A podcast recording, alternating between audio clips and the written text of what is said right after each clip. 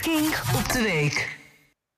Sinds vorige week mogen staten in Amerika zelf beslissen of abortus legaal is of niet. Een beslissing die vooral verliezers kent en maar één echte winnaar, de kleerhakenindustrie. Want een verbod bepaalt niet of een abortus plaatsvindt of niet, alleen of hij veilig is of niet.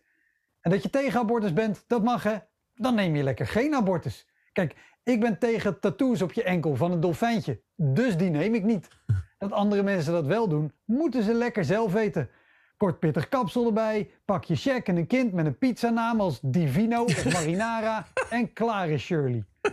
Wat maakt het nou voor ons hier in Nederland uit dat ze in Amerika hebben besloten om abortus een stuk lastiger te maken? Nou, omdat we hier partijen hebben die graag Amerikaatje spelen en hun best zullen doen ook hier zoveel verdeeldheid te zaaien dat vrouwen hun rechten worden ontnomen. Vooral Forum is er goed in. Die waren misschien nog wel een grotere fan van Trump dan Trump zelf. Het was daar Trump voor en Trump nazi. Ook BBB is tegen abortus. Maar die redeneren nu eenmaal dat vrouwtjes elk jaar nageslacht moeten produceren omdat anders de melkproductie stopt. En als een vrouw geen kind wil, kan ze de ingang ook gewoon blokkeren met een trekker. In Nederland is abortus gelukkig mogelijk voor wie dat wil. Nog wel. En wie tegen abortus is, is dus net zo vrij om geen abortus uit te laten voeren. Als de zwangerschap gevaarlijk is voor de moeder of het ongeboren kind, mag je zelf kiezen of je medische zorg wil of liever vertrouwt op een god naar keuze. Sterker nog, als jij als jonge vrouw in je puberteit verkracht wordt door die ene vieze oom en je raakt zwanger, dan ben je vrij om te kiezen of je dat kind op de wereld zet of niet. Jouw lichaam, jouw keuze.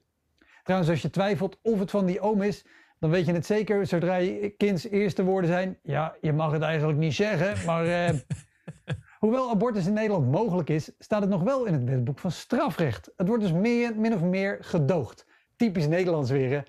De enige manier om een abortus nog Nederlandser te maken is als de arts die hem uitvoert na afloop gaat zitten en zegt: hè hè, nou nou, poepoe. Over de hele wereld doen conservatieve rechtse populisten hun best om abortus te verbieden. Waarom? Vanwege hun ongegronde angst dat de witte mens, die met enkel dolfijntjes en armen vol kooikarpers en kindernamen, wordt vervangen door mensen met een andere huidskleur. Daarom willen ze meer witte kinderen. En als het even kan met blond haar en blauwe ogen. Ik geloof trouwens niet dat er een groot plan is om iedereen te vervangen door een ander volk.